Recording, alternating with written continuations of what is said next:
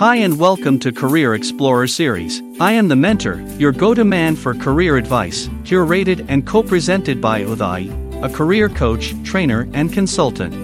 You be wondering how you can decide about your career choices, whether it will be the right decision or not. What if you made mistakes when making a decision? Whom should you listen to when making that decision? Your parents' dreams, careers that they wanted to achieve but couldn't do so. Or your siblings who took some random career choices and failed to succeed in a promising career. Or your friend's decision on their career choices who are close to you.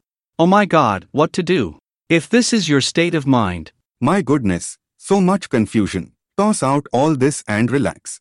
You forgot the critical person. That is you. You are the one who is going to start and build your successful career, not those people. But anyway, you need to convince them because they are the ones who are going to support you all through your life. And hence you must get their consent.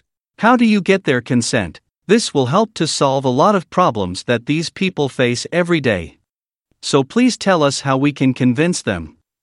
You are right, the primary problem is to bring everyone to agree to one thing. Life would be easier to live if you could convince people and accept our ideas and suggestions.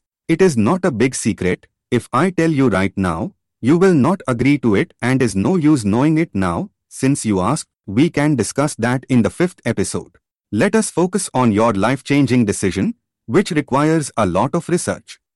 You need to put a lot of efforts into this. But it is easy to do if you just start doing it. First, you have to understand your needs and preferences like what kind of work you seek, which location or city you wanted to work in. Then, the city or town should have a lot of opportunities for your career choices. Otherwise, you will find difficulty in getting a job. You might have the qualification and skill set to become an investment banker. However, you have to relocate to tier 1 or metro cities where large financial corporation companies are located. This will improve your chances to get a job opportunity. Likewise, suppose you are an agricultural engineer. In that case, it will be wise for you to look for job opportunities in rural and tier 2 cities.